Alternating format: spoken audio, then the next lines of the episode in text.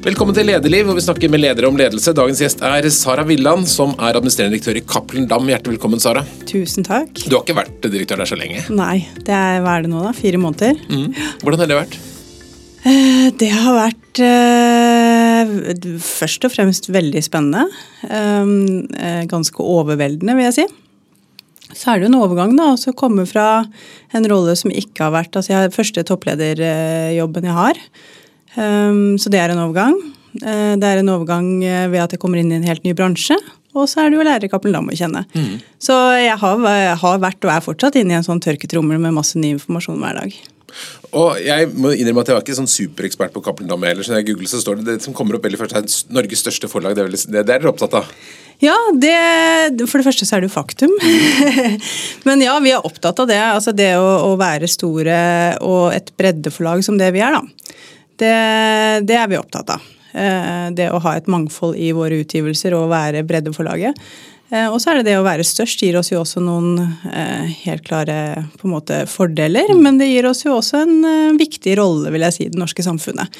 Og det å ha den rollen og det å på en måte stoltheten i det samfunnsoppdraget vi har, da, den er veldig godt forankra hos alle våre ansatte. Men For de som ikke kjenner forlagsveiene, man, man, har hørt mange navn. Liksom, hvor, hvor, vil du plassere Cappelen Dam i forlagslandskapet? Hva skiller dere fra andre? Nei, Først og fremst at vi er et breddeforlag. Eh, og, Hva legger du i det? Nei, det vil si at vi utgir, utgir alt fra veldig smal litteratur, eh, lyrikk, ja, smal litteratur til eh, populærlitteraturen og, og bestselgerne som du ser på topplistene i, i, i bokhandlerne. Eh, og i tillegg til å være veldig store innen det vi kaller allmennforleggeriet, da, så er vi også store på utdanning. Så, så det er et forlag som, som favner bredt. Mm. Hva betyr det i antall ansatte? Vi er vel nå 350 stykker, tror jeg er det som er fast ansatte. Og så har vi jo også en god del konsulenter som er knyttet til oss. Så mye av førstetiden har gått med på å lære navn? Ja, der, der har jeg ennå ganske Der må jeg bare innrømme at jeg har mye å gå på ennå. Men, eh, men det har jo handla om å bli kjent. Bruke den første tiden. Altså jeg tar jo over et veldig godt drevet forlag. Um, som har levert gode resultater, som har dyktige folk som kan sine ting. Så det er ingenting som brenner eller venter på at jeg skal ta noen beslutninger. Så jeg har hatt all mulighet nå til å bruke de fire månedene til å bli kjent. Mm. Jeg så det sto i en pressemelding i forbindelse med ansettelsen at du liksom skulle fortsette i, i, det samme sporet, stort sett. Ja, altså mitt oppdrag handler jo om også, også eh, fortsette å utvikle Cappelen Dam, og det å utvikle en sunn virksomhet som klarer å levere på det samfunnsoppdraget vi har. Så kjernen i det jeg skal drive med, er ikke noe annerledes nå enn det har vært i, eh, siden 2007, da dette ble fusjonert og helt fra starten av. Eh, men måten vi leverer det på, det vil jeg jo tro etter hvert også kommer til å forandre seg. Så det blir jo å videreutvikle og bygge på det gode som ligger der allerede. Mm. Du kom fra TV 2, eh, og du kunne sikkert velge mange ting i arbeidsmarkedet. Hvorfor har du valgt akkurat denne jobben? Nei, det handler jo om øh, Altså, jeg hadde sittet i styret et år, så jeg kjente det litt fra før av. Og så har jo Cappelen Dam samme eier som TV 2, så jeg kjenner jo også eierstrukturen. Eh, men det handler jo først og fremst om det oppdraget som eh, Cappelen Dam er satt til å forvalte. Da. Eh, og det, det, vi holder på med. Og jeg, for meg er det veldig viktig å kjenne at jeg engasjerer meg i det vi holder på med. At det betyr noe ekstra. At jeg jobber for noen ting som ja, kanskje har litt sånn høyere mening. Mm. Så det, det, var viktig. Og så kjenner jeg forlaget som å være et, et sted med veldig masse dyktige folk. Ehm, og som har vært eh, en virksomhet som, eller et forlag som har turt å ta litt risiko, som har turt å være tidlig ute. Så det var mye med det forlaget som jeg syns var, var, spennende. Da. Mm. Du snakker om oppdrag. Hva er det man ligger i dette oppdraget? Altså det kan være helt fra det helt overordna samfunnsoppdraget vi har, som handler om å, å, på en måte være en Jeg kaller det en litt sånn hjørnestein i, i, Norges eh, kultur. Eh, som handler om å være en Eh, en som tilrettelegger for et godt demokrati, som handler om å forvalte ytnings- og forsvare ytringsfriheten. Så det er de store delene av oppdraget vårt.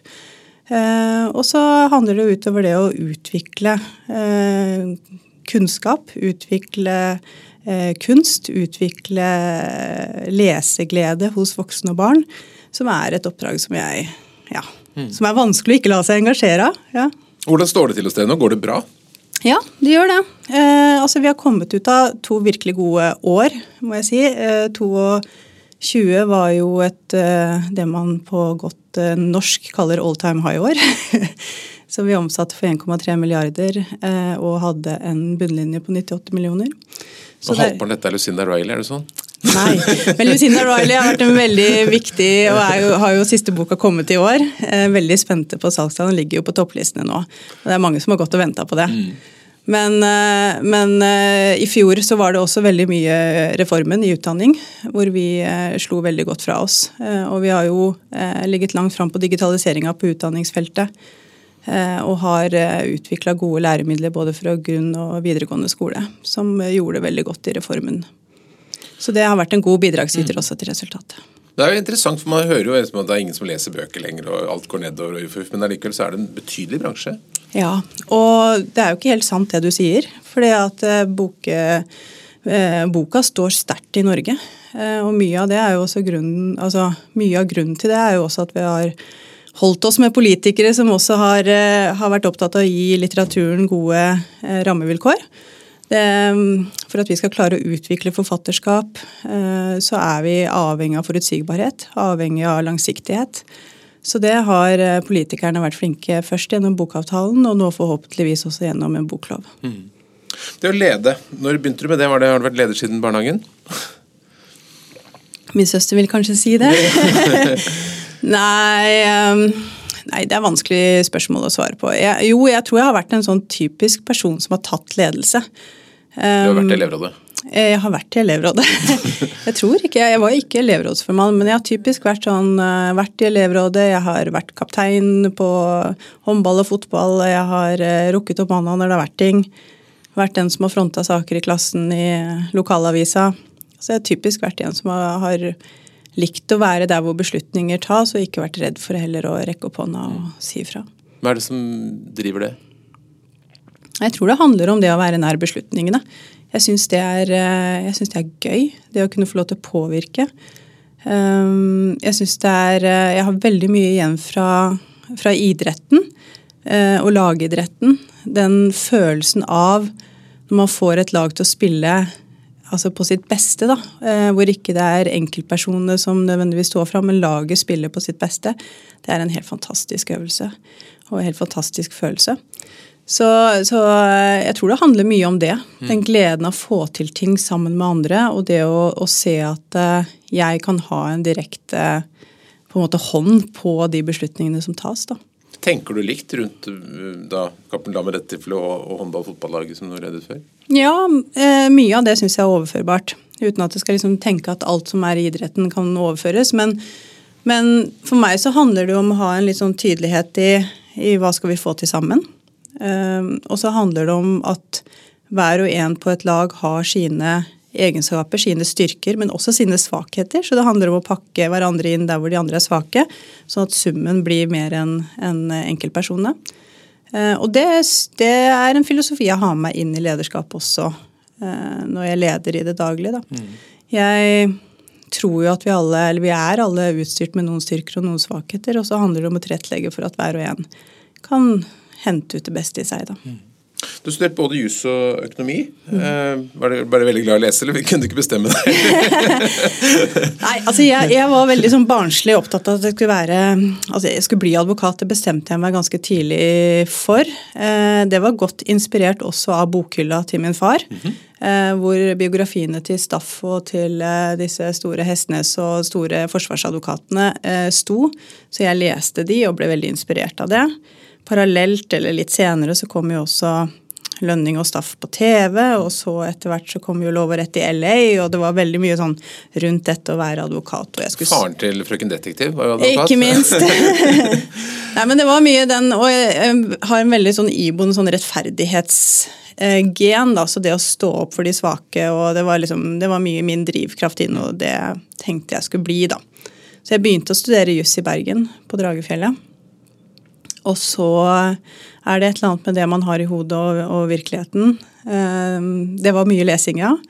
Ehm, men det å sitte altså var, Nå har det endra seg på disse jusstudiene, men på den tiden så satt man jo og leste i ett år, halvannet år, for så å gå opp til eksamen. Jeg husker jeg gikk opp og fikk nabolovens paragraf to. Og du har liksom lest ganske mye for å bli testa i akkurat det. Så, så, etter å ha fullført andre avdeling, så fant jeg vel ut at eh, det var eh, på tide å bevege seg videre. Så da dro jeg ut og reiste et år, eller jobba litt, og så reiste jeg et, en syv måneder i Sør-Amerika. Og så begynte jeg på BI. Mm. Mm. Og så ble du siviløkonom? Så ble jeg siviløkonom, eller det som heter master i business, heter det vel på den tida, men det er vel samme som siviløkonomgraden. Mm. Men jeg tenker at du har glede av både jussen og økonomien i jobben i dag? Ja, jeg har brukt mye juss eh, i jobben, men jeg har også hele tilnærmingen, altså liksom måten man jobber med metode og argumentasjon og hente informasjon og sortere. Det er klart det er mye, mye av det jeg også har fått med inn i, inn i jobbhverdagen. Så det er en del metodikk som, eh, som har vært bra. Og så møter du, Da har du jo fellesskap med veldig mange av de du møter i ledergrupper. For det er jo veldig mye jurister og økonomer rundt omkring. Mange jurister og økonomer, ja. ja. Men litt sånn, Hvis vi bare drar kjapt sånn leder- eller jobb-CV-en din, så jobbet du du var konsulent som et Center for Corporate Diversity, jobbet i Geodata, vært i Egmont med, jobbet med bl.a. kommunikasjon. Så har du vært eh, ganske lenge i TV 2 med ansvar bl.a. markedsføring og kommunikasjon. og så da til Cappelen hva, hva er fellestrekkene med alle disse jobbene? Ja, Fellestrekkene er, um, det er kunnskapsbedrifter med veldig dyktige folk mm. innenfor sine fagfelt. Uh, det er uh, teknologi som en viktig driver. Um, etter hvert også kombinert med innhold uh, og historiefortelling i ulike typer formater. og så er det endring, som jeg tror er liksom den røde tråden gjennom alle disse selskapene. Så da jeg kom inn i Geodata, så var det en liten gründervirksomhet som skulle Eh, ruste seg for vekst og bygge strukturer og profesjonalisere hele virksomheten. Da jeg kom inn i hjemmet Mortensen, så, så var det en, eh, et hus som var veldig godt etablert i eh, print, og skulle også vokse digitalt. Og TV 2, som var da jeg kom inn, var godt etablert på lineær TV, annonsefinansiert mm. lineær TV, og etter hvert har fått helt nye inntektsbein å stå på, og som også har blitt store digitalt og på strømming. Så det har jo vært et, en veldig sånn endringsreise i veldig mange av disse, som resten av samfunnet egentlig har vært igjennom, og de fleste andre virksomhetene også har vært. Men, eh, men jeg tror det er, eh, det er, teknologi, det er innhold. Eh, og så har jeg selvfølgelig Jeg har jo vært ansvarlig for organisasjon i veldig mange av disse jobbene. Og da har det jo også handla om hvordan får du organisasjonen til å spille med, da. Mm. Og hvordan får du henta ut det beste i de folka som jobber der, sånn at vi klarer å levere på de endringene som hele tida treffer oss. Og Hva har du lært om endringsledelse? Hvordan skaper man den perfekte endring? Å oh, gud a meg, ja, Det finnes det mange svar på, mange feil på, holdt jeg på å si man har gjort. Men, og det finnes vel ikke én fasit på det. Um, men det er noen refleksjoner.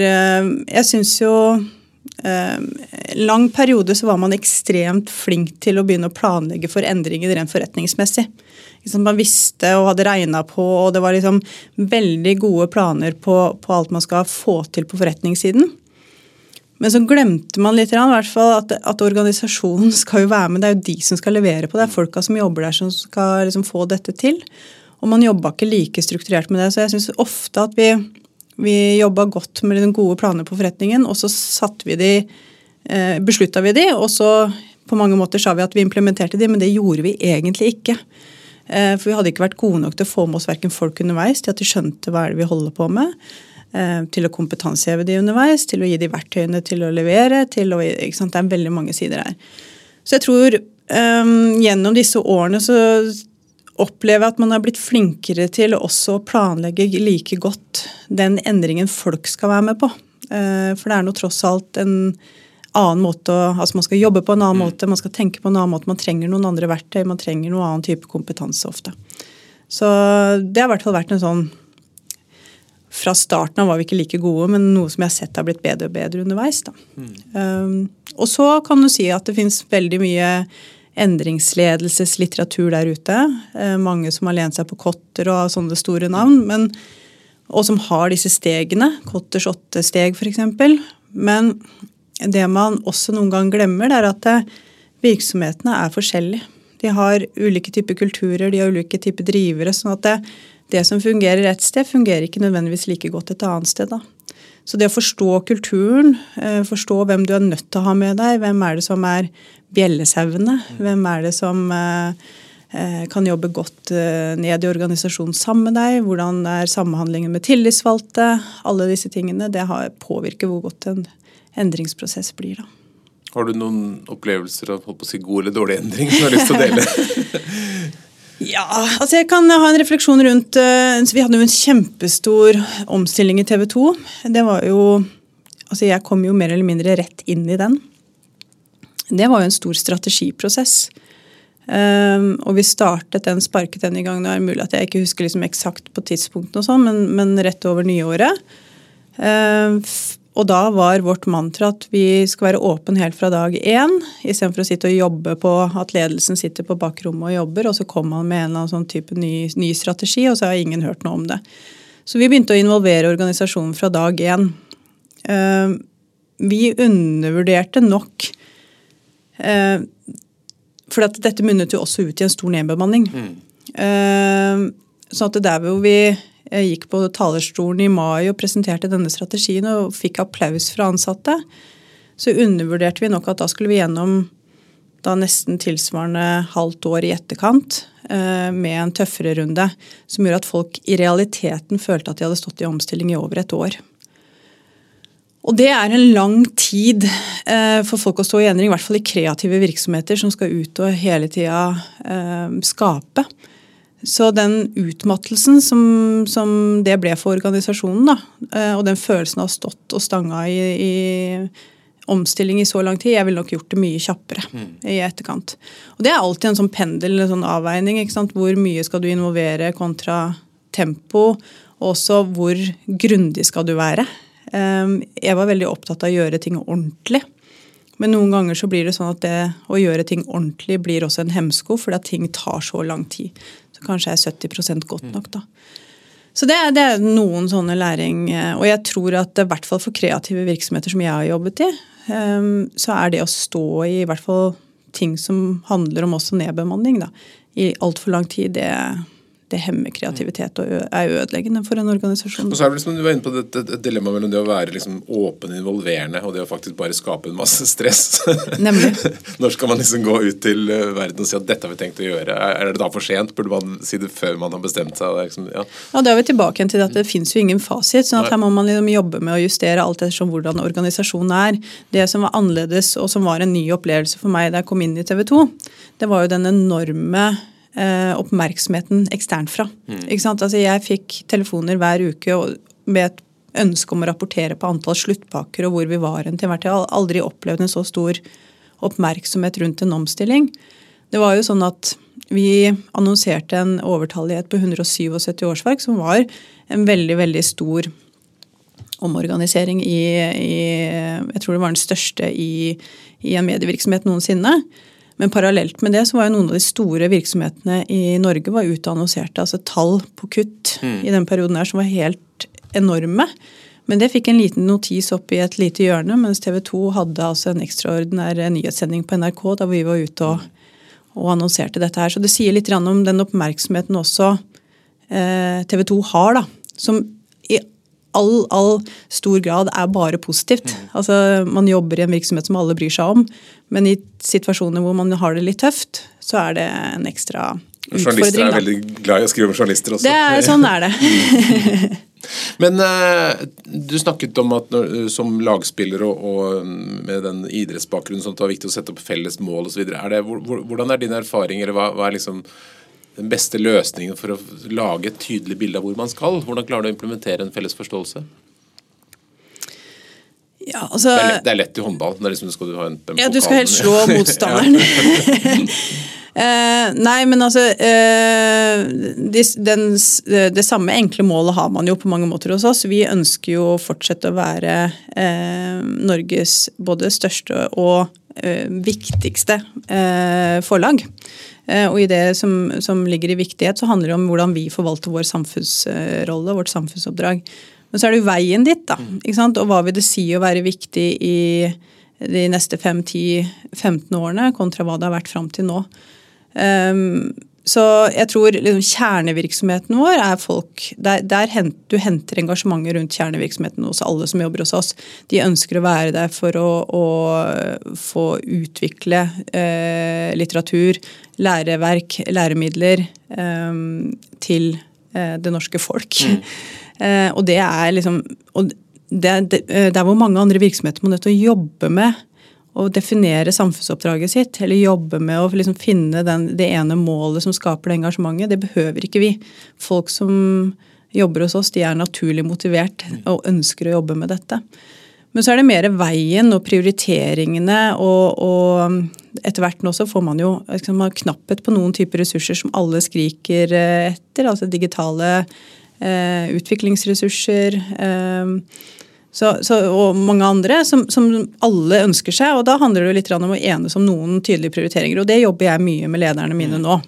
Men har du da tradisjon, Bruker du liksom visjon og verdier mye, eller lager du, tegner opp et målbilde? Hvordan jobber du helt konkret med det? Altså jeg synes ofte, eh, Akkurat det jeg har valgt å gjøre nå i Cappelen Dam, det er å ta den strategien som ligger der, og så heller eh, tydeliggjøre hva vil det si på noen prioriteringer nå på, på kort sikt, altså en 12-18 måneder. Mm. Eh, jeg har erfaring med at noen av de store strategiprosessene, selv om jeg mener at det er nødvendig noen ganger, løfte blikket og se er vi liksom på riktig kurs, og hva skjer rundt oss, og trengs det noen endringer i, i strategien hos oss, så mener jeg at ofte så blir noen av de prosessene veldig store, tunge. Eh, og veien fra det du har jobba fram, til den konkrete hverdagen blir veldig lang. Mm. Eh, så det jeg har hatt god erfaring med, er jo å bryte ned strategien i noen helt konkrete strategiske initiativ de neste 12-18 månedene som alle sammen i virksomheten vet at det er det vi jobber med. Mm. Det treffer hverdagen til folk litt eh, tydeligere. Eh, og er enklere å kunne både måle fremdrift på, eh, passe på at vi har nok ressurser til, eh, ha diskusjoner på om det er hindringer for å få dette til, og, og folk husker det mer mm. enn eh, at vi jobber opp et stort strategidokument som vi forventer at alle skal kunne. Og uten at det på noen måte er aktuelt nå, etter hva jeg vet om, så la oss holde oss til på dette med nedbemanning. For det er jo relevant i veldig mange bedrifter, og du har vært gjennom det i TV 2. Det, for det, du sa at folk, står og klapper og jubler over en strategi, og så skjønner man etterpå at oi, der er jeg ikke med. Altså, Hvordan løser man den kommunikasjonsoppgaven på en god måte, og, den, og liksom skape en positiv nedbemanning?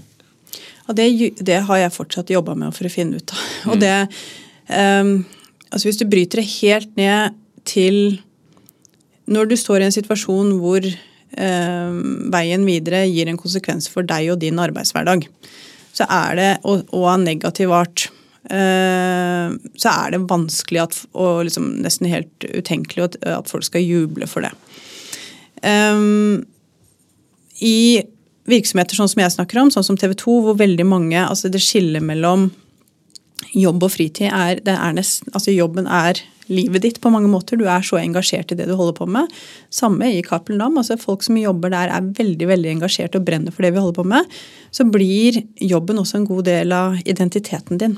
Og det gjør det her veldig vanskelig. Mange har vennene sine der. Noen har funnet eh, kona si der, eller mannen sin der. ikke? Så, så det eh, Privatliv og jobbliv eh, går på en måte bindes sammen. Og det gjør sånne type eh, prosesser også enda vanskeligere, fordi at det blir så personlig. Men jeg eh, tror at dette er noe man må jobbe med over lang sikt. Eh, det å passe på at folk eh, vet at vi hele tida er nødt til å gjøre justeringer, tilpasninger. Eh, det å få folk selv til å ta et aktivt ansvar om de ønsker å være med på det eller ikke. Det høres veldig enkelt ut i teorien. Mm. Det er ikke alltid like enkelt i praksis. Men det er mye kommunikasjon, altså.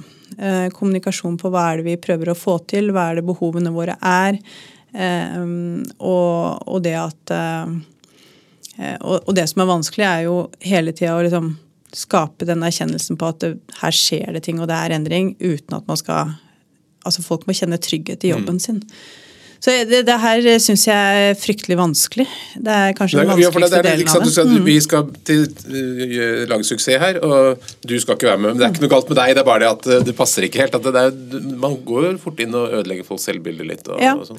Man gjør det. det og det, det jo, handler om liksom, Det ene er kommunikasjonen. Uh, uansett så blir det personlig for, for, veldig mange. Det andre er jo støtteapparatet du har rundt. At du har uh, både ledere som kan plukke opp uh, senere. At du har Vi har jo brukt oss mye både av psykologer og arbeidspsykologer og sånn som kan bistå inn. Rådgivere på, på um, karriererådgivere. Altså sånne, sånne type personer som også er med inn i, i i sånne prosesser. Da. Tenker du det er lurt å gjøre det raskt, at folk blir tatt ut, altså, eller skal man være ute oppsigelsestiden og vel så det? Jeg vet ikke om det finnes en fasit på det heller. Noen personer eh, kommer jo dit at de tar det valget selv. Da er det helt uproblematisk å stå ut sin oppsigelsestid. Eh, og så er det jo selvfølgelig det er jo noen retts... Eh, det er jo noen regler og sånn i mm, arbeidslivet vi må forholde oss til. Man har rett til å stå i stilling. men, men, hvis man liksom legger det til side, da, så, så er det klart at det, i en fase, spesielt da man har omstilling og man skal sjøsette noe nytt, og du sitter med, med, folk som er lei seg, kolleger som selvfølgelig syns synd på, har lyst til å støtte. Um, og, og, der hvor noen har fått en stor skuffelse og også er forbanna, uh, så gjør det vanskelig å begynne på det nye. Så, så det viktigste, eller det, liksom, hvis jeg bare har bedriftshatten på, så er det jo å gjøre disse tingene så kjapt som mulig og komme seg videre til neste fase. Og så er det alltid noen menneskehensyn og juridiske hensyn og alt det som vi må ta. Du gikk jo litt tid fra du um, sa fra at du skulle begynne som sjef i Cappelen til du tiltrådte. og Da regner med å tenke litt på hvordan du ville være som, som toppsjef. da. Hva, hva, hva, hva, er liksom ønsket ditt? Hvordan vil du være som sjefen i Cappelen Jeg vil være veldig tydelig på at det oppdraget vi har satt til å forvalte, og det oppdraget vi leverer på, det har jeg også mitt engasjement i. Uh, sånn, og, og, det har jeg, genuint sett. sånn at det, det er viktig for meg at folk skal ha tryggheten i at for meg er det også viktig at vi er langsiktige, eh, solide, eh, et solid forlag hvor vi brenner for å utvikle nye forfatterskap. Så det er den ene biten. Det å bruke tid på For jeg kommer jo ikke inn fra, med en historie fra forleggeriet. Og der hvor min forgjenger har vært i, i, det i alle sine år, så kommer jeg fra en annen del av historiefortellingen. Altså jeg kommer fra media. Så det at, eh, at, man skal forstå at dette er noe jeg engasjerer meg i, det har jeg vært opptatt av. Um, og så ellers har jo min inngang vært at jeg vil bli kjent med folk, mm. og at folk skal bli kjent med meg. Um, nettopp fordi at ikke jeg kommer fra forleggeriet, så er jeg jo helt avhengig av å forstå. Uh, og jeg har også vært liksom Jeg må forstå før jeg uh, handler. Um, sånn at det, og nettopp fordi at jeg tar over et veldrevet forlag, så har jeg hatt muligheten til det. Mm. Så det er det jeg har brukt de fire månedene til nå. Jeg har snakket med eh, alle eh, lederne. Jeg har snakket med, med enkelte medarbeidere. Snakket med tillitsvalgte. Jeg har snakket med konkurrenter. Jeg har snakket med bokhandlere. Jeg har snakket med hele bransjen. Mm. Eh, nettopp for å få et bilde av, av eh, bransjen vår da, og Cappelen Dam. Og det har vært en kjempeluksus å få muligheten til det. Og så tror jeg på Jeg tror jo på at øh, det, Eller det er viktig for meg å bygge relasjoner, da. Og at folk skal vite at jeg vil øh, forlaget vel, jeg vil folk vel. Uh, og hvis vi skulle komme i et eller annet ruskevær en eller annen gang, så vet man at mine intensjoner er de beste, da. Og hvilke verdier ønsker du å stå for? Hvordan skal folk oppleve at du er? Jeg opplever Eh, eller jeg ønsker å være tydelig på, på, hvor jeg vil, og hva jeg på en måte forventer. Sånn at det ikke skal være noe usikkerhet rundt det. Eh, jeg ønsker å involvere organisasjonen, for det er der kompetansen ligger. Eh, jeg, sånn at folk skal kjenne at jeg både lytter, at jeg er nysgjerrig og spør. Men når beslutninger trengs å ta, så tar jeg den. Og så er jeg opptatt av å gi tillit. Dette er jo en kunnskapsorganisasjon. Det er utrolig masse dyktige folk som mm. jobber i forlaget. Så, så, det at de har rom til å, å gjøre sitt beste, det, det, er jeg opptatt av. Mm. Så og så er jeg Jeg er en veldig uformell type, tror jeg. Så det å by på også når jeg tar feil, det å være åpen når jeg har tvil Jeg er jo en leder som tviler meg litt sånn fram til beslutninger, og det gjør jeg gjerne i diskusjon med de rundt meg. Um, sånn at de folk ikke skal være redde for at det, det, å ta feil beslutninger, det er noe som kommer til å liksom slå mot den. Jeg tror at hvis vi skal klare å slå fra oss framover, så må, vi, så må vi tørre å ta noen valg. Vi må tørre å ta noen satsinger som ikke vi vet kommer til å gå. Det må ligge en risikovilje der. Men hvis du skal ha en organisasjon som tør å gjøre det, så må du ha tilliten i bånn på at det er greit. Det er litt uh, interessant at du må være åpen for, for Jeg tror folk har ledere har ulikt syn på dette med, med tvil. Ja. eller, eller, alle har nok tvil, men noen er veldig sånn Her er, vi, her er løsningen, andre er mer åpne på det. Du, du er den at man skal være litt åpen rundt det. Jeg, altså, eh, Her har det vært en reise for meg òg. Mm. Da jeg ble Altså, jeg kom jo inn fra skolen, og så ble jeg leder. Ikke sant? Så jeg har, jo, jeg har jo vært leder så lenge jeg har vært i arbeidslivet. Og da jeg liksom ble leder for første gang, så, så, var det en sånn opplevelse at jeg måtte ha svaret på alt. Og at jeg skulle kunne alle mulige ting, og at folk skulle komme til meg, så skulle de få et svar og være nesten mer opplyst når de gikk tilbake. Altså, mm. helt, ja. eh, og det er jo for det første Sånn er det jo ikke. eh, og sånn går det ikke an å hvert fall eh, drive lenger nå når, når, ting har blitt mye mer komplekst. Men, men eh, det jeg har erfart uh, underveis, det er jo at det, det, å være åpen når man tviler, det, det er ikke noe Man er, blir ikke noe liksom Folk ser ikke ned på det. Det gjør deg menneskelig. Det gjør det lettere for alle andre å også kunne tvile på ting. Det skaper en tillit, da. Um, så, så, jeg er åpen også når jeg tviler. Mm. Og jeg har ikke noe prestisje å si at jeg tok feil, eller jeg har ikke noe prestisje å måtte liksom vite alt hele tiden. Tenk, har du forandret deg mye? Har du forandret syn på ledelse mye siden du begynte i arbeidslivet til nå? Jeg vet ikke om jeg har forandra meg i synet på ledelse, men jeg har forandra meg i tryggheten. Mm. Um, som jo bare kommer med erfaring. Um, sånn at eh, jeg, jeg, var jo en mer stressa, opptight uh, leder de første årene.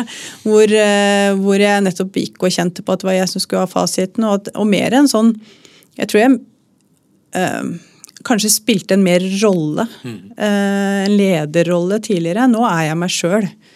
Uh, og, og um, har jo en mye større trygghet. Og det handler jo om erfaring. Ikke sant? Du har stått gjennom noen runder.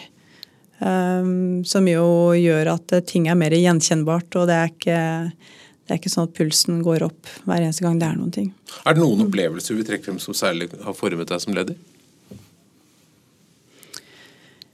Jeg tror det er summen av um, Nei, ikke én en enkeltopplevelse. Jeg tror det er summen av alle møte, møtepunktene jeg har hatt med folk i ulike typer situasjoner som har vært vanskelig med de, for de, eller i ulike typer situasjoner som de organisasjonene jeg har jobbet i, har stått i. Så det er summen av det som har formet meg. Um, respekten for um, Respekten for uh, hvor mye folk legger ned hver eneste dag i jobb. Da. Eh, og det ansvaret det er når du er leder eh, i å drive på en klok og, og ordentlig måte. Mm. Hva syns du er vanskelig i lederjobben? Ja, det jeg syns er vanskelig akkurat nå, eh, den største liksom, overgangen til det å bli administrerende, det er jo at det, det føles litt mer ensomt.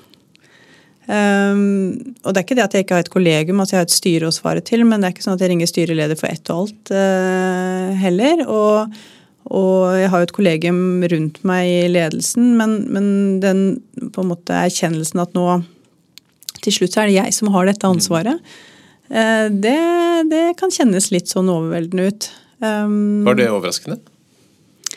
Intellektuelt, nei. jeg visste at det var sånn det var. Men, eh, men, det er klart det er jo summen også at ting er, er, eh, nå er veldig nytt for meg. Eh, bransjen er ny, og selskapet er ny, og, og mm, folk er ny, og alt er nytt. Så skjer det noe, så snur alle seg og ser på deg. ja, og så er det og også den å se på meg nå i en fase hvor jeg er den minst opplyste av alle.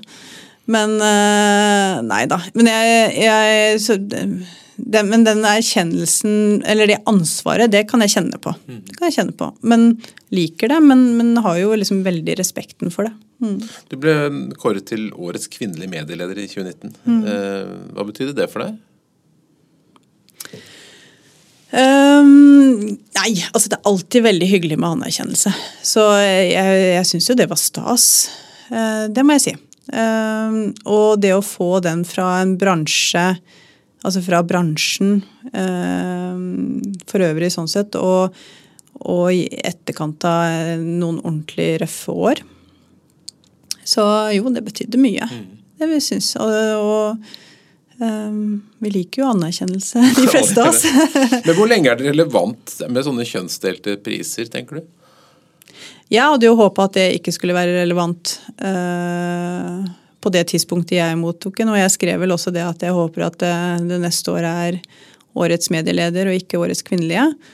Eh, men det har vært relevant i en periode for å nettopp løfte kvinnelige ledere. Mm. Og den første jobben jeg hadde, den eh, handlet jo om eh, altså På oppdrag fra Nærings- og handelsdepartementet Ansgar Gabrielsen da med 40% kvoteringen til styret. Og da ble det gjort en nordisk eh, studie som, som det selskapet leverte eh, på hvordan det så ut da i ASA-selskapene i de nordiske landene. Og da så man jo at den kvoteringen hadde hatt sin, hadde hatt sin effekt. Mm. Eh, og eh, jeg, jeg, har jo opp gjennom tidene liksom blitt matta å høre at ja, men det er ikke nok kvinner som vil, eller det er ikke, ikke sant, nok kvinner som rekker opp hånda. Man har lett i de samme eh, andedammene hver eneste gang etter, etter nye ledere. Eh, og da har man trengt da, i en periode å sette fokus på det. Nå er det andre deler av mangfoldsdimensjonene som, som vi bør jobbe med, og da, da, er det kanskje Nå har jo øh, øh, mediebedriftene satt fokus nå istedenfor på kvinnelige ledere, eller i tillegg, tror jeg, til også å se på, på kulturell bakgrunn. Så det er jo det å løfte dette sånn at man Det er liksom pinlig å ikke kunne levere på det og mm. få den temaet opp og det å debattere det og, og sette søkelys på det, det, det hjelper. Mm. Og det har det jo også vist. Hvordan er mangfoldet i Cappelen Dam? Der er det veldig mange kvinner. Mm. Eh, så det er jo, Men i ledelsen så, så er det en god kjønns, eh, kjønnsfordeling. Og så har vi som, som, andre virksomheter også en vei å gå i forhold til å sikre flerkulturell bakgrunn og, og, og bli mangfoldig på, på andre områder. Så her er det jo, jeg er opptatt av det, at vi har en god spredning i, i alder, i kjønn, i, i, bakgrunn, i kompetanser. Mm. Eh, da tror jeg vi henter ut det beste. Hva blir de største utfordringene for Cappelen Dam i årene fremover? De største utfordringene eh, handler jo om eh, å passe på at der, eh, vi ikke forsvinner i støyen eh, der ute, og at eh, lesegleden opprettholdes. og da spesielt blant den yngre generasjonen, som vi ser nå at det har vært utfordringer. Um, så det er jo et krafttak som vi i Cappelen Dam må ta, men også hele bransjen og, og samfunnet for øvrig, og passe på at vi opprettholder en leseglede. Um, I alle deler av Norges kriker og krukker. Mm. Så det, det, er en eh, utfordring. Og så er det jo etter hvert som ting flytter seg også over digitalt, så er det å finne gode og bærekraftige eh, modeller for den digitale økonomien. Eh, sånn at det blir noe som er bærekraftig for også forlagene framover.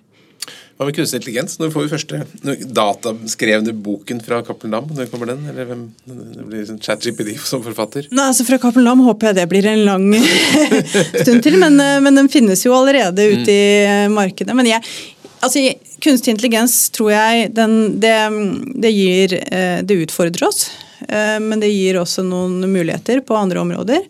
Og så tror jeg at når det gjelder kreativitet og det som på en måte ligger i forfatterens um, ja, eh, skape på en måte kompetanse til å skape og kreativitet, det kan ikke erstattes av, av kunstig intelligens. Men det finnes jo muligheter. Man kan jo liksom la en datamaskin lese lydbøkene f.eks. Eller man kan si at du kan bestille, bestille Lucinda Riley på 1000 eller 400 sider alt lenger hva du vil. Altså. Det finnes masse muligheter til å, å også kunne drive ting bedre eh, framover. Og så finnes det noe kjerne som jeg tror bare kan opprettholdes av menneskelig kreativitet. Så det er å få de to tingene til å samspille. Så det er jo litt sånn passe på at det ikke kunstig intelligens blir en sånn som debatten er nå på, på utdanning, altså eh, fysiske lærebøker eller digitale læringsmidler. At mm. det blir en polarisert debatt, men at man klarer også å se på hvordan dette kan samspille godt sammen. Hvor står du da i synet på, bar, på skal barn ha papirbøker i skolen? Jeg mener at eh, det er viktig for, eh, for, barn å både ha tilgang til papirbøker eh, og dybdelesning og det taktile og, å kunne lese en fysisk bok, samtidig som at man må ha gode digitale læringsmidler som er laget på et pedagogisk grunnlag. Mm. Og Det tilbyr jo vi begge deler, og så har jeg veldig tiltro til at lærerne de som faktisk er i læringssituasjonene, vet å bruke de eh, verktøyene de har på den beste pedagogiske måten. Og Derfor så er opptatt av at den debatten ikke blir en enten-eller, men, eh, men, at det handler om samspill og et godt samspill. Nå er du ny i bransjen, skal ikke sette deg til veggs på statistikker, men du har vel kanskje inntrykk av hvordan er Norge i forhold til resten av verden, resten av Norden, når det gjelder både på lesing og papir og skole og alle disse tingene? Ja, altså På bokas posisjon eh, og lesing så står jo den veldig sterkt i Norge sammenligna med, med, mange andre land. og Det handler jo tilbake igjen som jeg sa, de, de politiske rammevilkårene eh, som har hatt, og, og, og, at vi har hatt eh, sterkt forhold til den fysiske boka. Selv om du ser lydbøkene nå er jo i kraftig, kraftig utvikling. Så hadde vi jo denne PIRLS-undersøkelsen som har vært godt dekket nå i norske medier Eh, som, så, som målte bl.a. Eh, tiåringers leselyst, som var jo nedslående eh, lesning hvis du sammenligner med, med andre land. Så at vi har en utfordring på rundt leselyst hos unge eh, i dag, eh, det, det, har vi. Og det blir jo en av de viktigste oppgavene vi og mange med oss har framover. Hva er det som har drept leselysten? Åh, Det har ikke jeg noe fasit på, så det blir å drive svogerforskning og synse. Men, men uh, Det er gøy, det òg. ja, det er også gøy. Nei, altså, men uh, jeg tror det handler jo om summen av uh, altså tilgangen på masse medier mm. og masse innhold, hvis jeg kan bruke et sånn samlebegrep. Så hvis du ser på mobiltelefonens plass hos våre barn og, og unge, skal se til mine egne barn, da, som er høyst svogerforskning, så da de lærte å lese, så var det som en bare en ny verden ikke sant, åpenbart seg. Så de slukte jo bøker, og de har jo blitt lest for før de også kunne lese selv. Så de har jo vokst opp med boka. De har vokst opp med historiene. De har vokst opp med mange av de historiene jeg selv har vokst opp med, som har flytta fra generasjon til generasjon. Eh, og så kommer mobiltelefonen, og så kommer de kjappe eh, det kjappe innholdet, hvis jeg kan kalle det det. TikTok og alt dette her eh, rælet, har jeg lov til å si det? men, men eh, og som, som, har tatt mye tid, i tillegg til gaming, og, og, de bruker tid på å spille Fifa og alt sånt her. Men jeg håper jo og tror at det grunnlaget jeg har gitt de fra helt barnsben av, de, eh, at de vil ta opp igjen på et senere tidspunkt. da, eh, Og finne gleden ved Den pendelen kan jo ofte liksom gå helt i ytterkant og så gå litt tilbake igjen. At man finner gleden ved å, å forsvinne inn i en bok som er et eh, roligere medium, eh, mer dybde, eh, og at man har litt behov for det som menneske. Da. Mm. Og, og, det jeg er opptatt av, er jo ikke sant, Litteraturen gir deg det gir deg pusterommet til å forsvinne inn i et univers, og, og, og det gir deg et språk, og det gir deg eh, en forståelse av Eh, mange ting som du ellers kanskje ikke møter i, i hverdagen. Og det utfordrer deg. Eh, så, så, at det, litteraturen har en helt annen rolle enn veldig mange av de andre eh, historiefortellingene som er, er, ute i dag. Og den mener jeg er viktig for oss mennesker. da. Uh, og jeg skal i hvert fall passe på at vi i Cappelen Dam gjør vårt for å, å vekke den leselysten ute hos hvilke, yngre generasjoner. Hvilke bøker har betydd mye for deg i ditt liv? Det er mange. Um, fra jeg var liten så var det jo alt av Astrid Lindgren sitt univers, selvfølgelig, og Asbjørnsen og Moe og, og Torbjørn Egner og, og alle disse. Uh, og så er jo jeg vokst opp med veldig mange av de forfatterne vi har på forlaget nå, med Lars Håby Christensen og Roy Jacobsen og, og Vigdis Hjorth på det. Så jeg har veldig, veldig mange Og, og det som jeg syns er veldig gøy, eller spesielt, er at jeg kan, jeg kan tidfeste altså eh, sted og tid hvor jeg leste en bok med en eller annen fase jeg var i livet. ikke sant? Eh, hvor du bare husker ok, det var da jeg hadde den kjærlighetssorgen og jeg bare forsvant inn i denne boka. eller eh, ja, så det eller da jeg hadde hesteperioden min og forsvant inn i hestebøker. Ja, Der er, der er det en egen sjanger. det er en egen sjanger, ja. Jeg har vært gjennom den med, med, med hestedatter. altså. Ja. Uh, men er det, tenker du at når vi ledere skal ansette folk, og sånn, burde vi spørre dem hva de leser? Ja, hvorfor ikke. Eh, vi kan jo spørre hva de engasjerer seg på i fritiden ellers også. Og det, og det å spørre hva de leser og, og, og høre litt om, om, hvor deres engasjement ligger der, mm. det gir jo i hvert fall et bilde av personen. Um, men um, ja.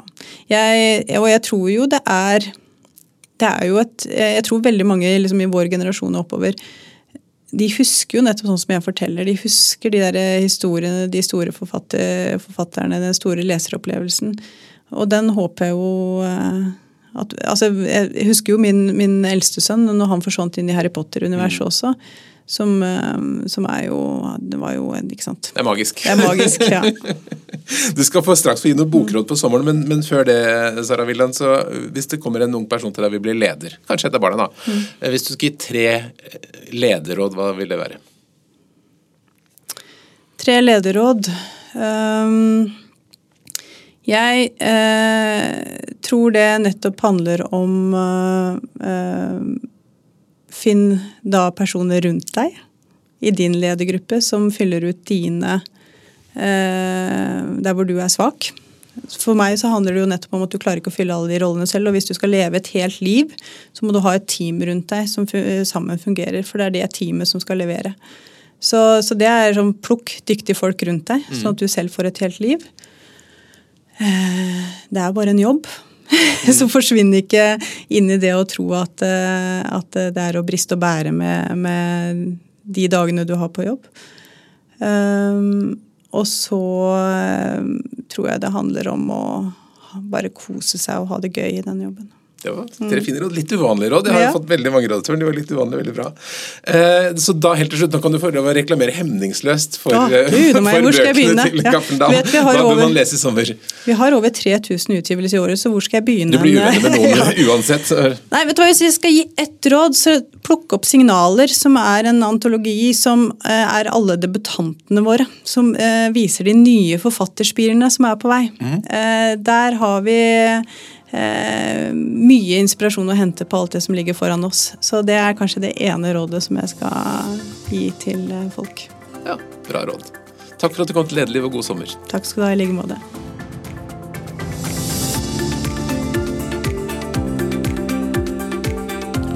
Lederliv er en podkast fra Apeland. Redaksjonen består av Ingrid Hogneland, Johanne Eidsvoll, Lars Jarle Melum og meg som heter Ole Kristian Apeland. Og du er hjertelig velkommen til å sende ros, ris, tips om ledere eller hva du måtte ønske til ole.apeland.no. Takk for at du lytter.